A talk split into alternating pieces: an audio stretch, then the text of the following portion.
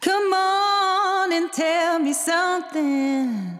Just get it off your chest and let's groove.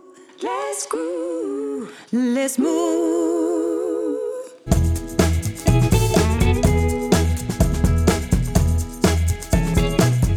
Welkom bij de bonus van de Tandartsvrijheid en Meesterschap podcast. Mijn naam is Ron Steenkist.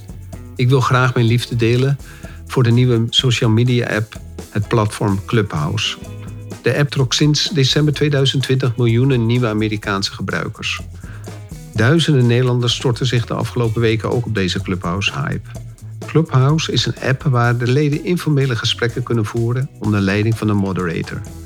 Bij het openen van de app zijn de verschillende kamers, de zogenaamde rooms, zichtbaar, waar de leden kunnen praten met mensen van over de hele wereld. Deze gesprekken variëren van korte gesprekken over kleine onderwerpen tot inhoudelijke gesprekken.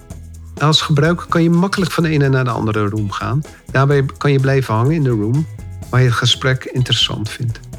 Clubhouse is zo'n kruising tussen podcast en een online community geworden. Luisteraars kunnen namelijk hun hand opsteken, vragen stellen en meepraten nadat zij een plekje op het podium gekregen hebben. Toegang tot de app is alleen mogelijk voor iPhone-gebruikers en door een uitnodiging van een clublid. Gesprekken zijn live en worden niet opgenomen. Bij uitzondering, als iedereen ingelicht is, mag je buiten de app om opnemen. Bijgaand een opgenomen versie van de Room genaamd Tandartsclub, met Nico Bezuur en Ron Stenkers als moderators. De Tandartsclub is elke vrijdagochtend en start om half negen en is vrij voor iedereen. Voor alle duidelijkheid, er is soms gesneden in verband met privacy en de geluidskwaliteit is afhankelijk van de microfoons van afzonderlijke sprekers. Deze opname van de Tandartsclub heeft als onderwerp: Is het noodzakelijk dat teamleden inzicht hebben in de kerncijns van een tandartspraktijk? Jullie vallen direct in de discussie. Ik heb er zo verschillende gedachten over. Ik denk dat uh, in alle jaren dat, we met de praktijk bezig zijn, hebben we wel veel uh, met cijfers gespeeld. Tot en met uh, op een gegeven moment zelfs een bonussysteem.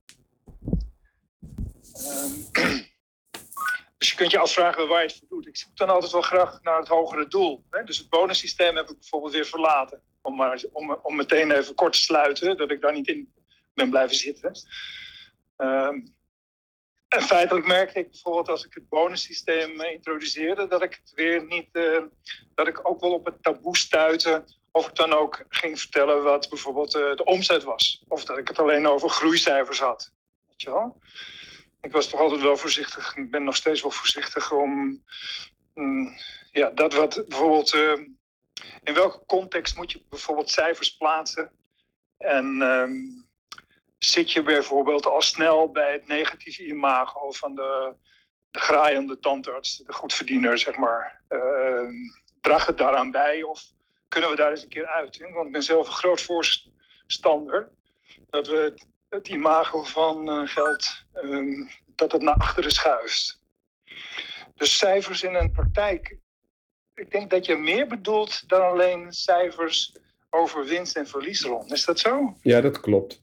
Wat, wat, wat ik merk is, ik, wij zijn ook bezig geweest met een, uh, met een bonussysteem. Het, het probleem zat daar een beetje in. En dat is, uh, en dat is gekomen, ik toen op een gegeven moment een uh, cursus in Amerika deed, Big Case Marketing. En daar waren ze heel erg van de bonussen naar de patiënt of naar de klanten toe, maar ook naar de, naar de medewerkers toe.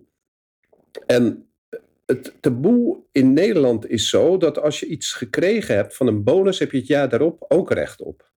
En dat, is, Klopt. en dat is in Amerika is dat op een of andere manier anders. Dan snappen ze gewoon, als je van tevoren afspreekt 1,8 miljoen, dan krijgt iedereen een bonus. Uh, hè, dan wordt een bonus verdeeld van uh, 2% of zo. Hè, dan wordt die 36.000 verdeeld. Dan snapt iedereen dat. In Nederland heb je dus heel snel dat er altijd een reden is om te zeggen van... Uh, nou, we hebben het bijna gehaald. Of vorig jaar hebben we, er, hebben we het wel gehad bij 1,8 miljoen. Waarom krijgen we het dit jaar niet? En wij hebben daar een andere gedachtegang over dan Amerikanen. Die kunnen veel zwart-witter denken en die kunnen er ook veel meer van uitgaan als een baas zegt van je krijgt het niet, dat het zo is. En misschien heeft dat uh, te maken met een, uh, dat een, uh, in Amerika er een grotere hefboom is, zodat je meer mogelijkheden hebt als werkgever naar de werknemer toe. Verder, wat ik ook van de cijfers vind, ik, dat ik vaak vind dat tandartsen zelf ook heel weinig inzicht in hun cijfers hebben. Dat ze zelf vaak moeite hebben het, het verschil tussen uh, bruto winst, netto winst, EBITDA, van dat soort dingen. Dat ze, en liquiditeit, hè, solvabiliteit, dat ze al die verschillen eigenlijk zelf niet goed weten. Nou is het natuurlijk het voordeel van een tandartspraktijk dat die meestal uh, relatief uh, een duidelijke investering heeft en dat die daar op een gegeven moment van af is en dat de bank toch wel vaak de, de, de tandarts opvangt en niet al te snel een tandarts failliet zal laten gaan.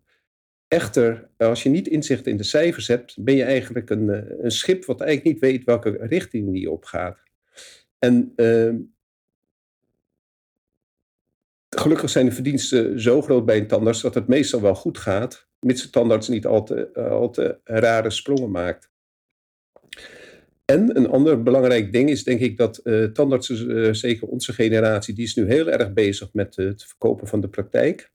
Hè, of het stoppen met, met pensioen gaan. En als je dus niet weet wat EBITDA is, dan weet je eigenlijk ook niet wat, een, wat jouw bedrijf voor een keten waard is. En dan val je weer heel snel terug op de KNMT-normen.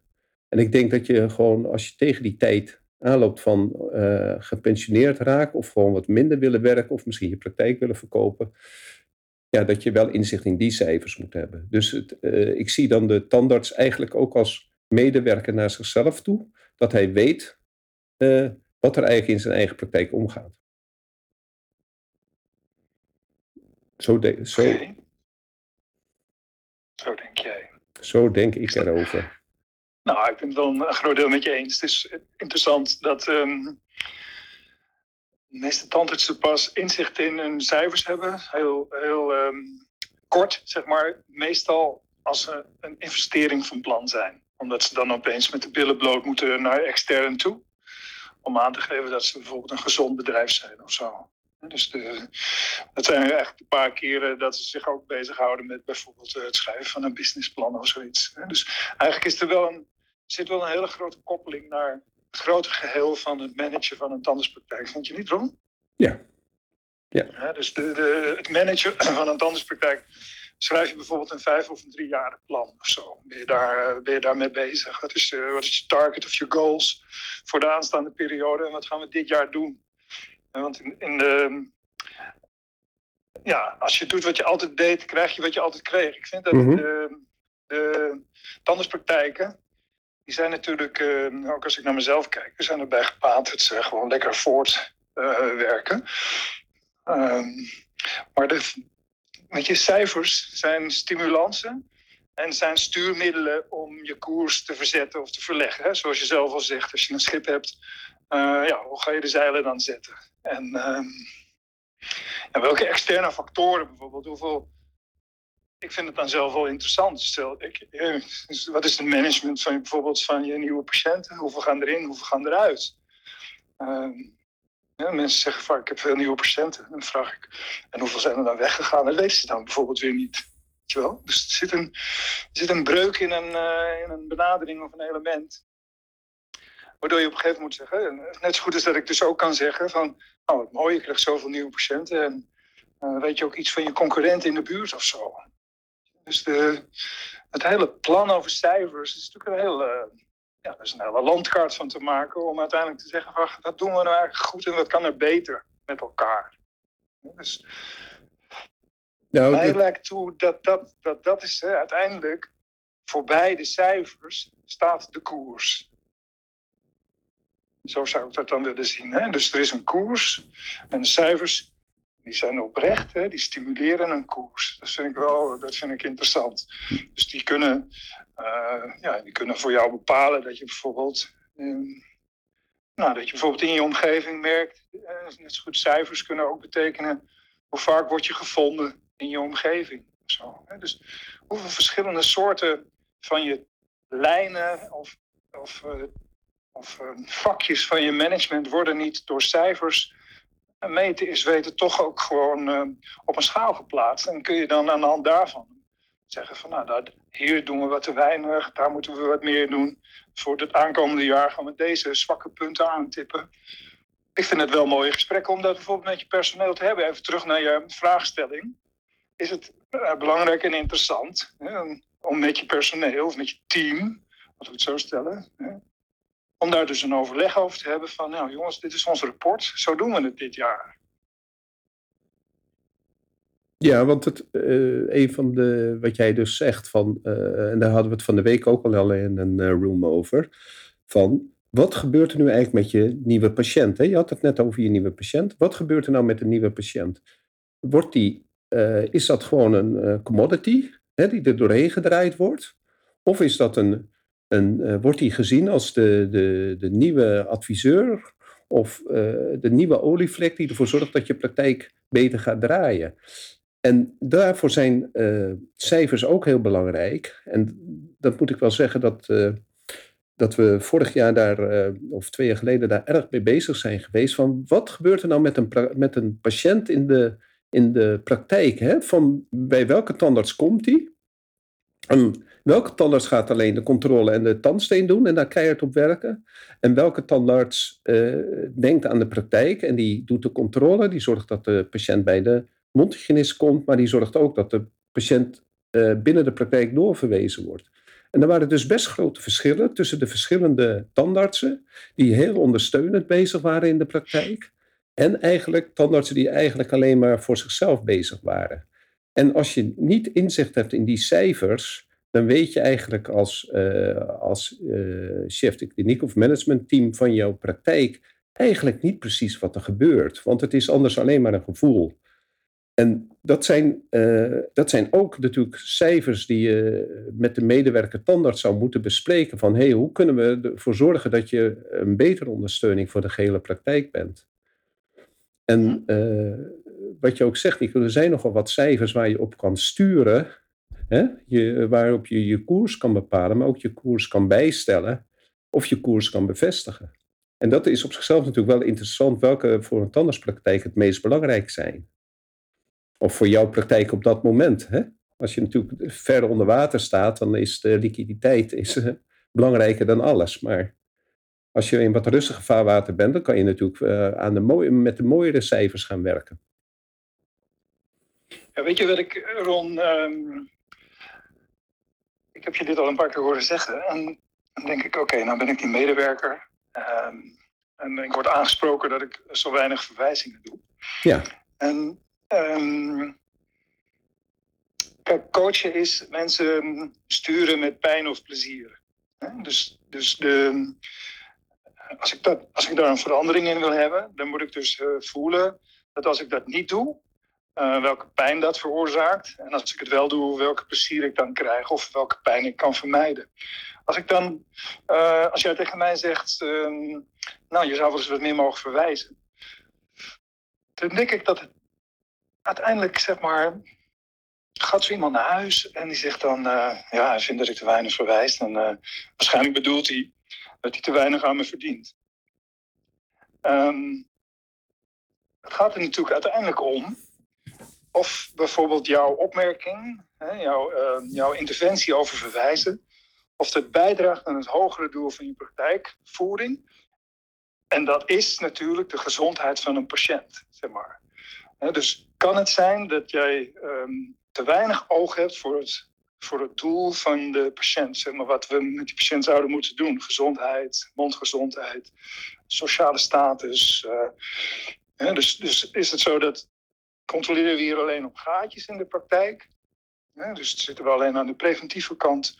Of zitten we ook nog op een heel ander spoor, waarbij je dus aangeeft wat bijvoorbeeld uh, ja, dan kom je bijvoorbeeld bij de why van je organisatie. Dus, dus de vraag is, ik zou niet heel erg als medewerker nou niet heel erg gestimuleerd zijn als ik krijg te horen je verwijst te weinig. Want dan betekent ik verwijs dan naar een ander, waarschijnlijk niet naar mijzelf. Dus dat, wat heb ik daar dan aan of zo?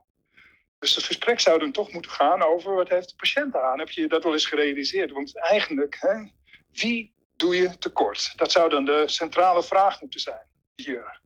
Nou, ik ben het toch niet helemaal met je eens, Nico. Je kan pas uh, uh, bij dit soort dingen de volgende stap zijn. Je moet eerst signaleren of er wel of geen probleem is. Als jij nooit gecontroleerd hebt of bekeken hebt als, uh, als leidinggevende wat er gebeurt met een patiënt binnen de praktijk, dan, hoef je ook dat, dan kan je dat gesprek ook niet aangaan. Want ik wist het niet. En natuurlijk krijg je dan op dat moment communicatietechnieken om iemand, als je iemand een bepaalde richting in zou willen, dat hij wel of meer zou verwijzen, dan is, zijn dat natuurlijk bepaalde gesprekstechnieken om tot een bepaald doel te komen.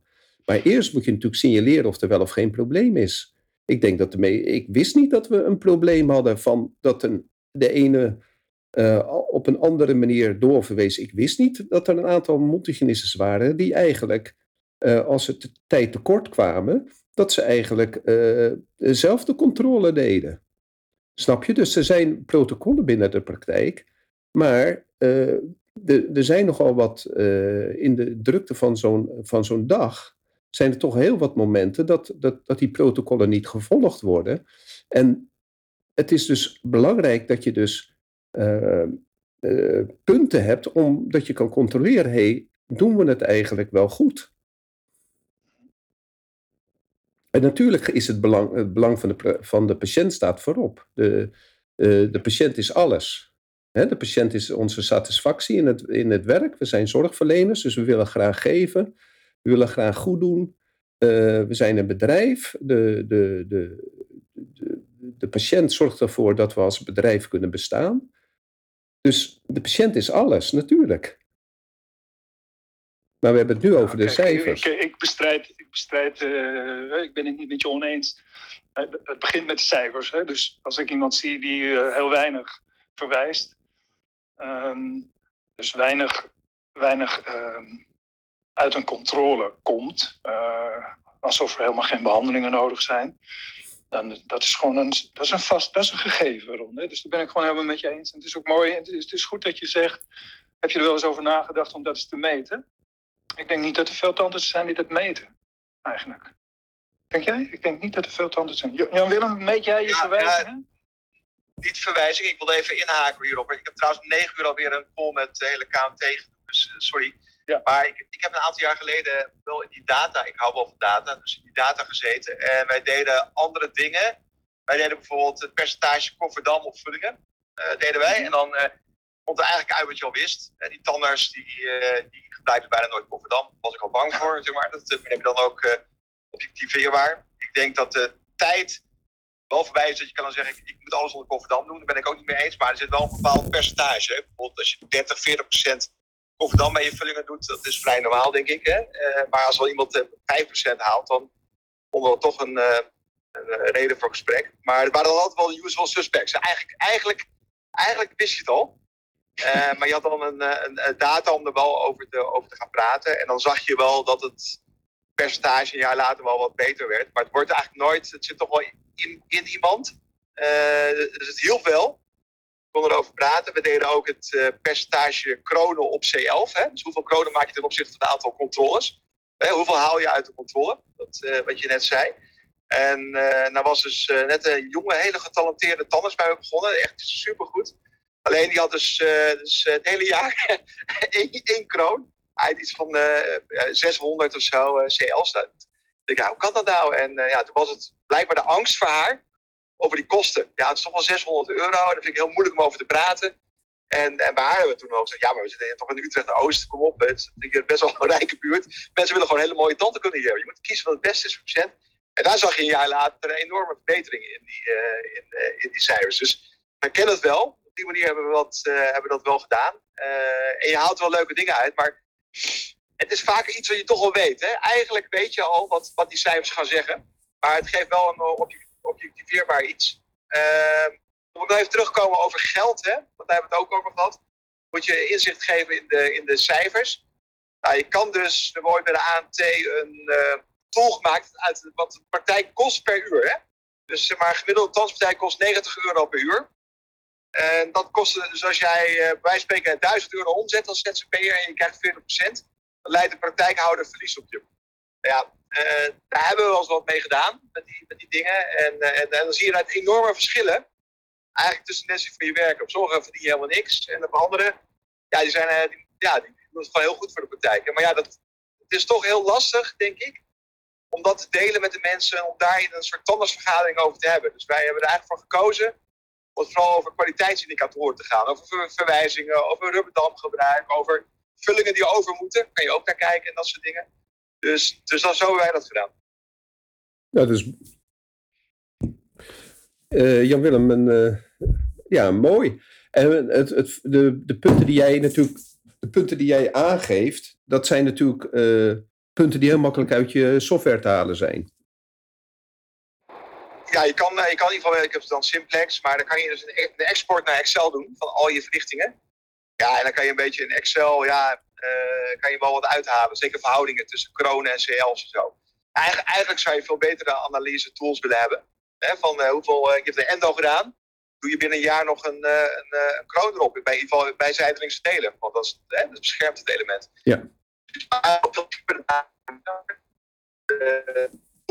Niet, maar vanuit een Excel kan je wel simpele, simpele dingen halen.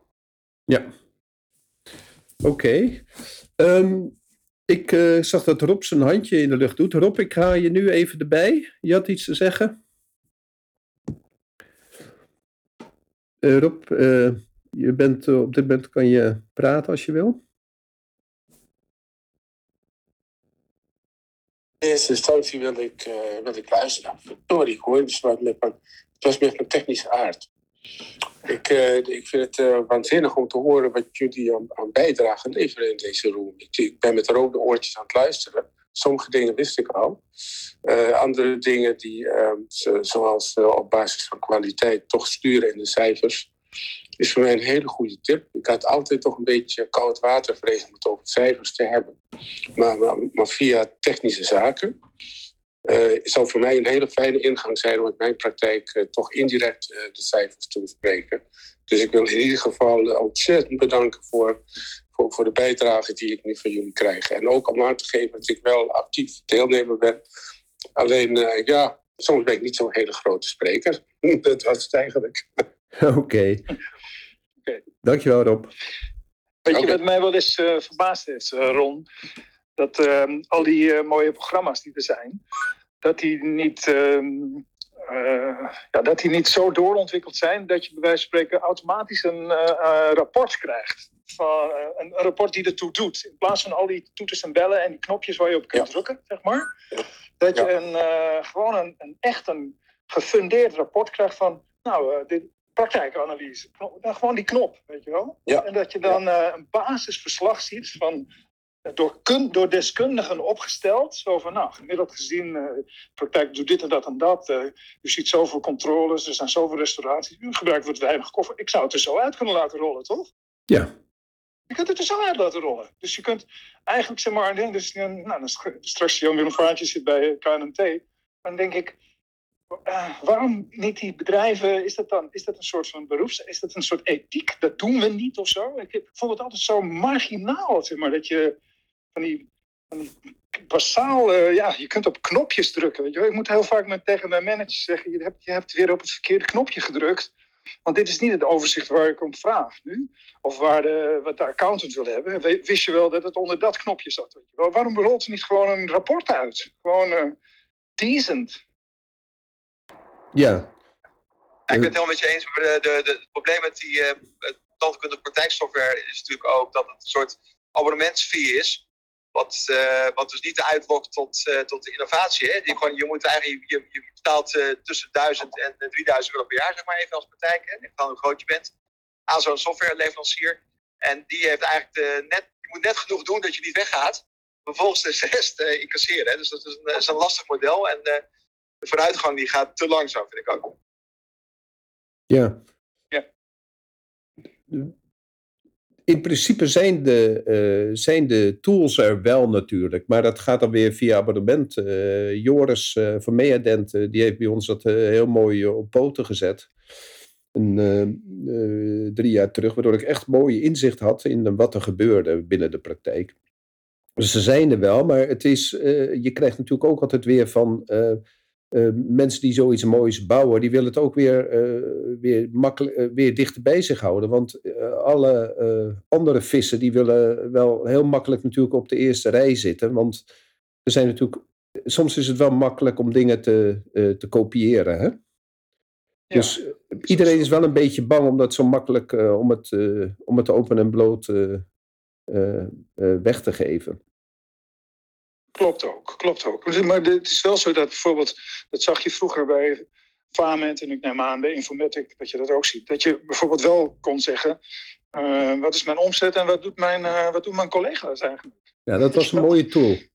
Zo, kon je gewoon eens even kijken van, uh, niet met naam en toenaam, maar ik kon gewoon kijken of ik goed in de, waar ik zat, zeg maar, op de, op de meetlat in, ten opzichte van mijn concurrentie. Dat is toch ja, het is bijna, hè, want we zijn natuurlijk ook wel voorzichtig met cijfers. We willen natuurlijk ook niet zomaar dat er zo uh, openbaar wordt gespeeld met ons materiaal. Maar feitelijk is natuurlijk alles is bekend van ons. Hè? Als je ik, kijkt ik, heb wat, ik heb slecht nieuws van de, de, de, de, nieuwe wet aangenomen, de PTZA. En uh, wat de overheid wil, het is dus echt verschrikkelijk. Elke zorgverlener of zorgaanbieder, hè, dat, uh, dat kan ook de zorgverlener, kan ook één zorgaanbieder zijn we moeten eigenlijk vanaf 2023 een, een, een 60 pagina's tellend accountantsrapport inleveren. Ja. Volgens de, de SDA het wil. En dat wordt ook nog allemaal geopenbaard. Dus, uh, hè, dus je hele hebben en houden gaat gewoon openbaar. In een soort, dus je krijgt elk jaar een kostenonderzoek wat je zelf moet invullen. Uh, en, nou, het gaat gewoon, voor mij, ja, we gaan altijd kijken of het privacy wel kan. Hè, want ze, ze zeggen het gaat om fraudebestrijding, maar dat kan gewoon niet. Dat je gewoon iedereen uh, zo'n groot accountsrapport, los van de kosten. Hè? Je zegt veel tandartsen die, uh, die weten niks van de cijfers. Nou, dat houdt dan op. Want je, je gaat denken aan de hoogste accountantsnorm moet je voldoen, zeg maar. Dus uh, dat, behalve extra kosten en heel veel werk, geeft, het ook, ja, ja, geeft het ook een enorme openbaarheid van, van gegevens. En die wordt met naam en toenaam genoemd. Hè? Dus er is ook geen schuil aan. Gewoon in een openbaar register. Ja, vreselijk. Maar dan, kijk, voor het probleem dat je niet meer kan vergelijken, daar ben je wel vanaf. ja, ja. ja, vooruitgang komt altijd met pijn. Maar ik ben het met je eens dat er uh, veel van dit soort oplossingen. Ik heb, ik heb me wel afgevraagd of dit nou bijvoorbeeld de invloed is van uh, de onderzichtigheid van de ketens die er zijn. Zeg maar. dat het, uh, eigenlijk is dit meer boekhouding voor grote partijen waar je wat zou, van zou willen weten misschien. Nou, het is niet van, uh, niet van de, de, de, wet. De wet is uh, ook zeker op kleinschalige zorgaanbieders gericht. Want wij zeiden van, nou doe het dan alleen maar bij ketens. Hè? Of doe het dan ja. een omzet van 5 miljoen. Hè? Want die hebben die, die rapporten toch al. Voor, voor die ketens is het niet meer werk. Die rapporteren al op die manier. Ja, ja, ja, precies. Ja. En dan zeggen ze nee, nee, nee, want ze willen gewoon echt per se iedereen in, dat, in die database. En, en, en dan ja, natuurlijk, fraude komt ook voor bij kleinschalig, weet je. Dat, weet je maar ze willen gewoon de data. Dat is het gewoon. Ze willen gewoon alle data, een soort toeslagenaffaire, weet je. Iedereen is een fraudeur, dus iedereen uh, moet helemaal bloot. Uh, dat is het eigenlijk. Ja, nou, kijk, ik, wat mij al heel veel jaren irriteert is op hoeveel kosten wij worden gejaagd door al dit soort gedachten en ideeën van we willen even alles weten. Zeg maar, hè? Dus dit soort grote rapporten. Net zo goed als dat er op een gegeven moment zo'n uitspraak van de Europese Commissie is geweest dat wij mogelijk uitzendbureau zijn voor personeel, waardoor iedereen met allerlei eh, contracten moet gaan werken en potovereenkomsten enzovoort. Hoeveel kosten worden wij wel niet opgejaagd? En hoeveel, hoeveel accountants worden er bij ons niet uh, vanuit. Het, het, zijn enorme bedragen die er extra zijn, zeg maar, die voor ons totaal niet waardevol zijn, toch? Is dat niet waar? Die potovereenkomsten, inderdaad, daar zijn we ook nog mee bezig met de KMT. Nee, klopt. Ja, nee, maar het is, het is verschrikkelijk. Uh, die, uh, mede specialistische bedrijven, MSB's, weet je, nou, weet je, uh, gaan we door. Er worden alle, allerlei constructies opgezet om maar gewoon normaal te kunnen blijven werken als zorgondernemer. Hè? Dat, je, dat, je, dat je niet helemaal in zo'n loondienstachtige situatie wordt gezogen. En, en, en ja, het is een soort red race eigenlijk tussen twee systemen die elkaar. En dan komt de volgende regel erbij. En dan bedenkt de, de zorgverlener heeft dan weer, nou ja, dan gaan we die constructie maar doen. Maar vervolgens ben je gewoon eindeloos veel tijd en geld kwijt.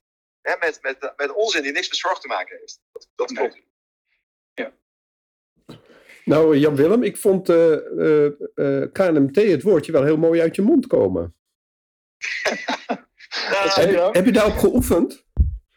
Uh, nou, ik heb het natuurlijk al vaker moeten uitspreken, maar vroeger dan was het als tegenstand. Maar, uh, nee, maar het is, uh, ik ben hartstikke blij met ook nu. we hebben nu het kwaliteitskader voor cosmetische zorg kunnen lanceren. Dus ik heb, ik heb nu gewoon echt veel meer mogelijkheden om dingen te veranderen in het tandartsenland. Hè, met zo'n grote organisatie achter je. En eigenlijk bijna 9000 tandartsen die echt onder mij staan, bij wijze van spreken. Dus je kan eindelijk gas geven een paar dossiers of een paar stokpaardjes die ik heb. En dat is nog wel even fijn.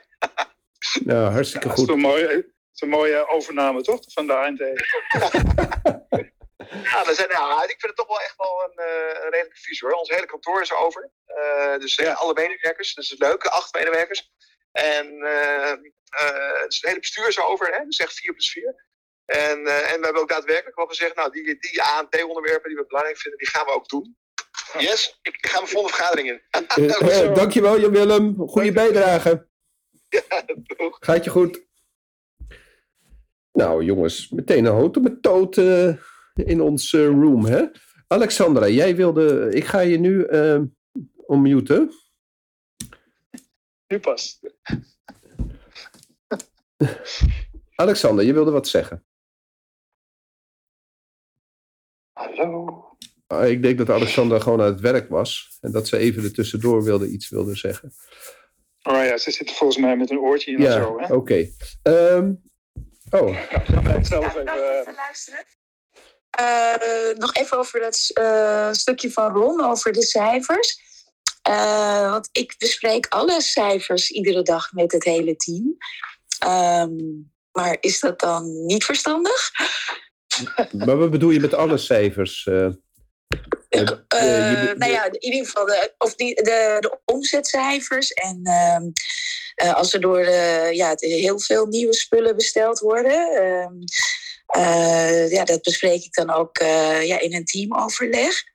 en eind van de dag de assistenten die alles declareert en de informatics eruit gooit, die komen dan handje klap geven als het goed is. En, uh, um, en ja, iedereen weet eigenlijk ook wel van elkaar uh, wat de omzet is. Mm, en ik weet van een praktijk, in een, van een andere praktijk waar vrienden werken, dat daar per medewerker alles afgedicht, of noem je dat, afgesloten is. Dat ze ook niet in elkaars uh, dagomzetten kunnen kijken. Terwijl ik denk van ja, ik vind het vaak heel leerzaam als ik in de dagomzet van tandartsen kijk. Ja, daar heb je helemaal gelijk in. Dat is heel leerzaam. Uh, nu heb je het over de omzet en de dagomzet. Maar het gaat natuurlijk ook om uh, van wat is de bruto winst en wat is de netto winst. Uh, wat ga, laat je dat ook inzichtelijk maken? Geef je ook jouw accountantsrapport aan het, aan het personeel? Um, nee, dat niet. Alleen, de, nee, alleen mijn oude praktijkmanager had dat. Dat ik. Ja. Dus, uh, daar, dus het is een beetje een. Uh, uh, je moet dus voor jezelf nadenken van wat is het, wat is goed voor de praktijk en voor de patiënt ja. om te delen. En wat is goed voor de medewerker om te delen? Hè? Want het, ik denk dat het niet ook altijd fijn is dat een medewerker altijd alles precies weet. Want dan kunnen ze ook heel erg zenuwachtig van worden. Hè? Want um, ik weet okay. wel, als er iets vervelends gebeurt in de praktijk en ehm, dat ze, uh, dat ze, ik ga er dan mee aan de slag. En ik ga proberen de koers te veranderen. Maar zij, zij, zij, zij wachten af en zij schrikken ervan. En zijn bang dat de praktijk failliet gaat of wat dan ook. Uh, dus de, de, je zit op een, uh, op een ander niveau te praten. Mensen kunnen ook vaak heel angstig zijn om dingen waar ze niet angstig om hoeven te zijn. Mm -hmm. Ja. Dus dat is. Dus, dus het, het is. We zijn. De bedoeling van de, om hier samen te zijn is om te onderzoeken of het nou goed is of niet goed is om met je medewerkers te delen en welke uh, key-indicatoren wil je wel delen en welke wil je niet delen. Of welke zijn niet verstandig om te delen. En het is denk ik uh, bijvoorbeeld uh, over dat EBITDA. Ik wist drie, vier jaar geleden over EBITDA. Ik wist helemaal niet wat dat was. En dat, daar word je op een gegeven moment, als je met je praktijk bezig bent... op, en je wil een bedrijfskundige inzicht geven... die beginnen ze meteen over EBITDA te praten met je. En dan denk je, goh, wat is dat toch? En, uh, en op een gegeven moment wordt het een onderdeel van je. En dan het, het duurt een vrij lange tijd voordat je snapt waarom uh, die, althans het heeft bij mij vrij lang geduurd, waarom zij dat zo belangrijk vonden.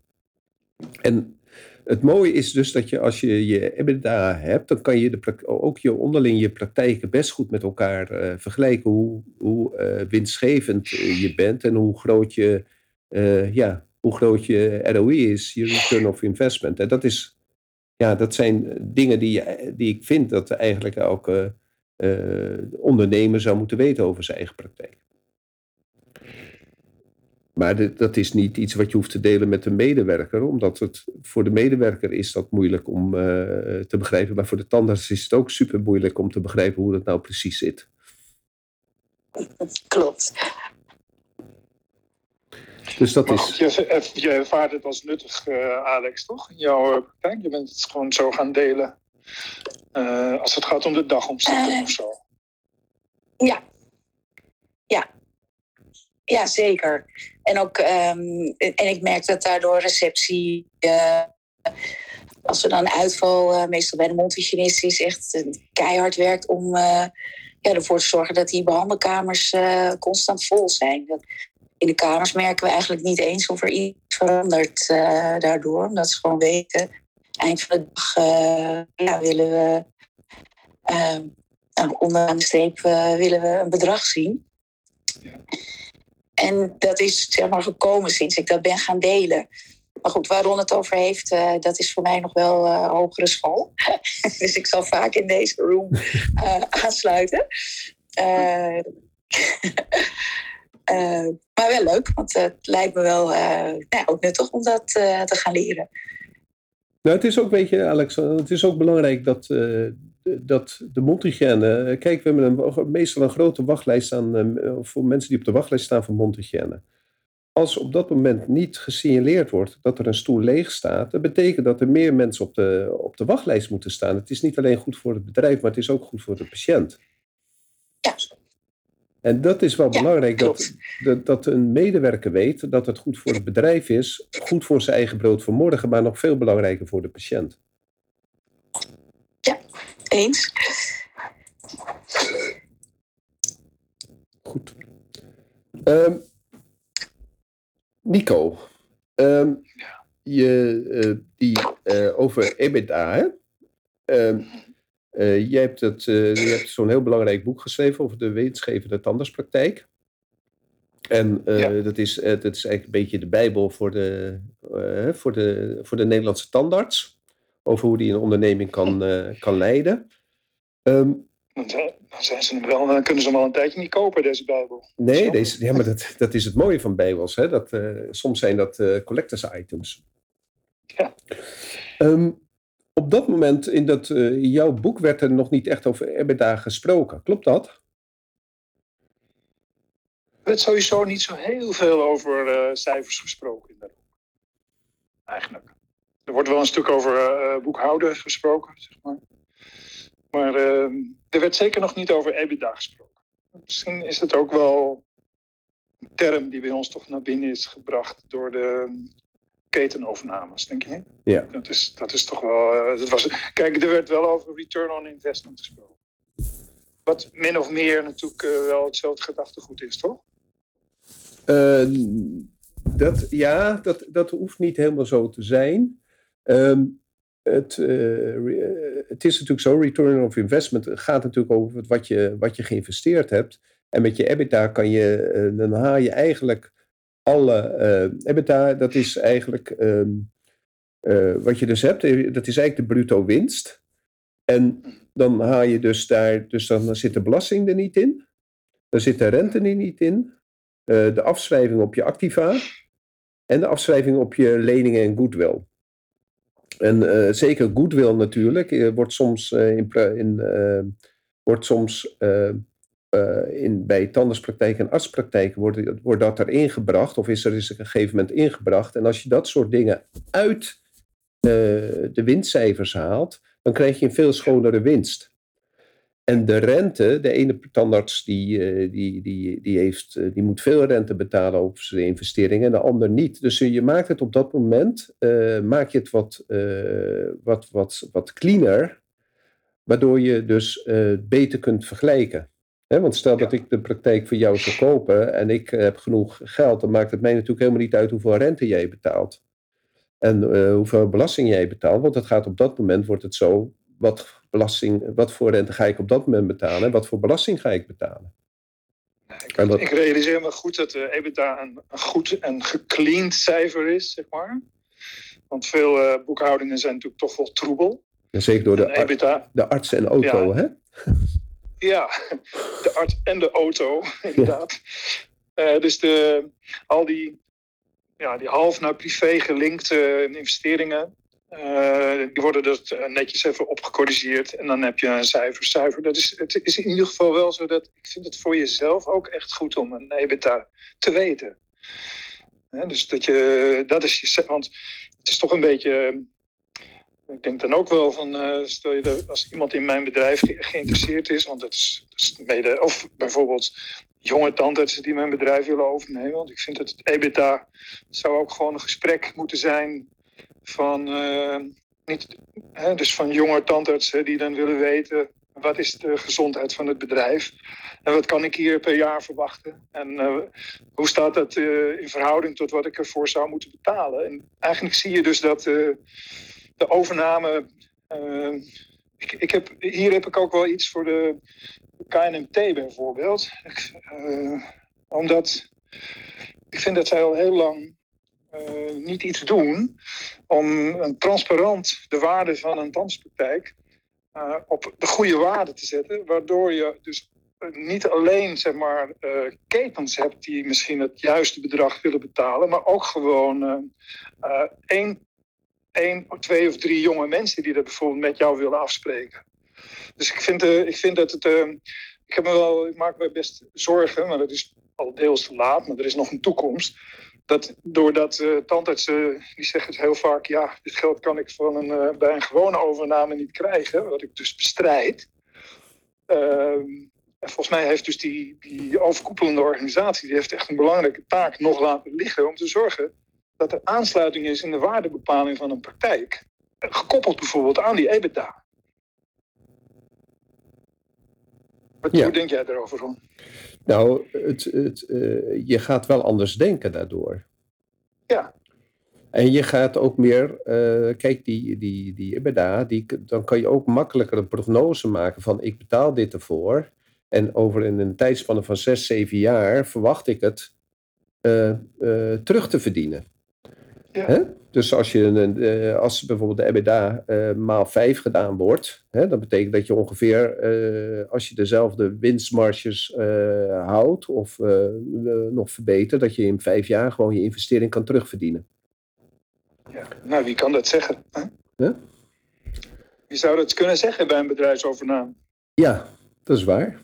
En dat is snel, hè? Ongelooflijk. Dat is ongelooflijk snel. Ja. Er wordt heel vaak, kijk, een soort van vergelijkende constructie wat ik wel vaak heb gezien, is dat bijvoorbeeld een tandarts, uh, een jonge tandarts of, of een ervaren tandarts neemt een, een tandartspraktijk over. En met de praktijk spreken ze af om vanuit de EBITDA, zeg maar, de overname te betalen. Wat in feite ongeveer hetzelfde is uh, wat de ketens ook wel doen. Ja. En dan zie je dus dat zo iemand uh, die hoeft ook helemaal niet naar een bank of zo. Want het wordt gewoon uit. Uh, hij kan eigenlijk zien, ik hou en ik hou een normaal salaris. En het bedrijf komt naar mij toe de komende zeven jaar. Ja, het wordt uit de cashflow betaald, als het ware. Ja, het wordt gewoon uit de cashflow betaald. En, en uh, dat, is eigenlijk, dat maakt het eigenlijk uh, ook weer klein, vind je niet? Ik vind dat dus, denk ik, ik kan dus denken, als ik dus als beginnende tandarts of als over, overnemende tandarts daarin stap, ik kan dus voor mezelf dus zien, goed, ik ben, uh, zo is het tegenwoordig, hè. je kunt echt zo nog onder de 30 zijn en zo'n overname doen. En dan kun je dus voor jezelf bepalen, dus over zeven jaar, zeg maar, of over zes jaar, stel, wat je ook afspreekt, um, hoe, hoe duur het ook is. Eigenlijk houd ik dus gewoon uh, dit, deze garantie van mijn eigen inkomen. En over zeven jaar heb ik de complete EBITDA voor mezelf. Nou, maar dat is toch ongelooflijk. En, en dan, je bent dus niet eens bij de bank geweest, zeg maar. Dus ik heb uh, echt zoiets van, nou, je moet, uh, de, ja, zegt het voort, maar het, dit zijn toch de manieren waarop ook de jonge ondernemers weer wakker kunnen worden, denk ik dan. Ja, en het voordeel natuurlijk van een praktijk is, is dat de praktijk gewoon uh, gecontinueerd wordt. En dat, dat de baas er langzaam uit kan stappen. En de jongeren kunnen het langzaam overnemen. En dat is dan gewoon een natuurlijk proces. En de, de baas hoeft niet eerst hard te onderhandelen met. Want dat, dat is natuurlijk raar, hè? dat je eerst eh, hard moet onderhandelen over de prijs. En dan, dat je dan in de, in de praktijk komt van, die tan, van de tandarts. hè, die blijft vaak toch nog een beetje hangen. En dat je dan uh, denkt, ja, maar het is mijn praktijk. Hè? Maar die baas heeft dan beloofd dat hij toch nog de, de boel over zal dragen. Dus je krijgt daar een hele uh, rare constructie eigenlijk, emotioneel gezien vooral. Want uh, zakelijk gezien is het wel duidelijk, de jonge tandarts heeft die praktijk overgenomen. Maar die oude tandarts die blijft natuurlijk nog steeds een beetje als, uh, als de, de, de nestor zich gedragen naar het personeel. En als je natuurlijk zorgt dat je iemand te langzaam laat ingroeien, dan is en de klap niet zo groot. Hè, voor, de, voor het financiële gedeelte, zoals jij al zegt, dat je de bank, de bank erbuiten kan houden. Maar het is natuurlijk een, ja, het, het, een veel geleidelijke overgang. Ja, wat je ook ziet, hè, dus ik, ik zie dat zelf ook. Hè. Ik heb nu hoge leeftijd. En, uh, ik zie dus, ik signaleer dat uh, mijn staf, die zou toch wensen dat ik hem nog heel, best wel lang zou willen zijn, zeg maar. Hè? Dus ze zouden me er best wel lang bij willen houden. Dat wens je of dat denk je? Nee, of dat, dat, zeggen ze? Dat, dat, zeggen zij, zeg maar. Dat merk ik. -huh. Dat denk ik te merken. -huh. Dat, en ik vind dus ook het, het verschil, zeg maar, tussen hoe je, uh, hoe je de mensen aanstuurt. En vergelijking tot die jonge mensen, die zich eigenlijk niet zo goed, die houden zich eigenlijk heel erg lang niet met aansturing bezig.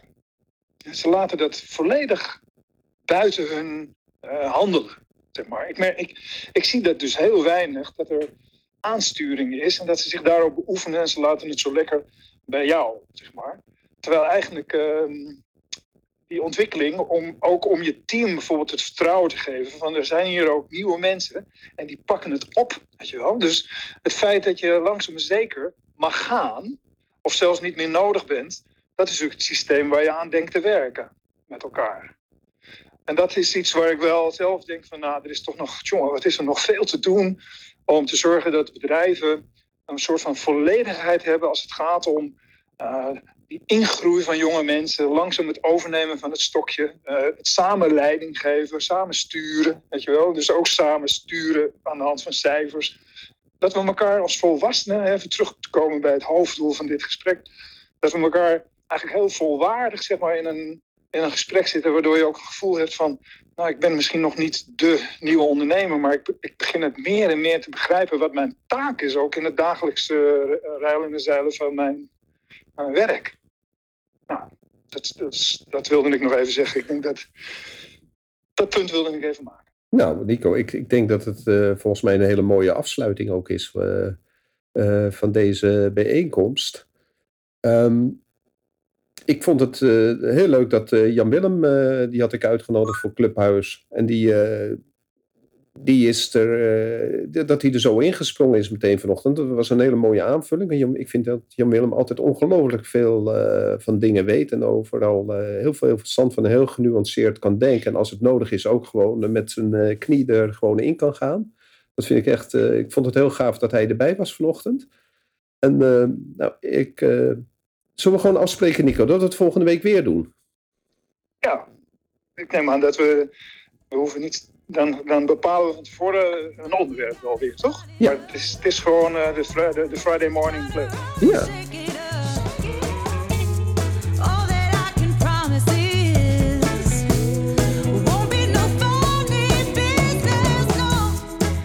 Het onderwerp van vandaag is het noodzakelijk dat teamleden inzicht hebben in de kerncijfers van een tandartspraktijk, leiden wel tot mooie inzichten. Het grappige is dat cijfers speelsgebracht veel inzicht kunnen geven niet alleen de tandarts-eigenaren, maar ook de medewerkers. Communiceer daarom de cijfers. Praat met je staf over de praktijkcijfers. Je staf moet weten wat jullie als team produceren en wat de kosten zijn. Hoeveelheid doorverwijzingen intern, hoeveel en door wie. Het team moet inzicht hebben in de productie van elk teamlid op zich en van de praktijk als geheel. Wat is de uurproductie en wat levert het onder de streep op? Hoeveel klanten zijn super tevreden over de praktijk? Deze cijfers maken het geheel ook een spel, elke keer een beetje beter. Het leidt tot een competitie in verbetering. Tony Robbins noemde dit KENAI, Constant and Never Ending Improvement.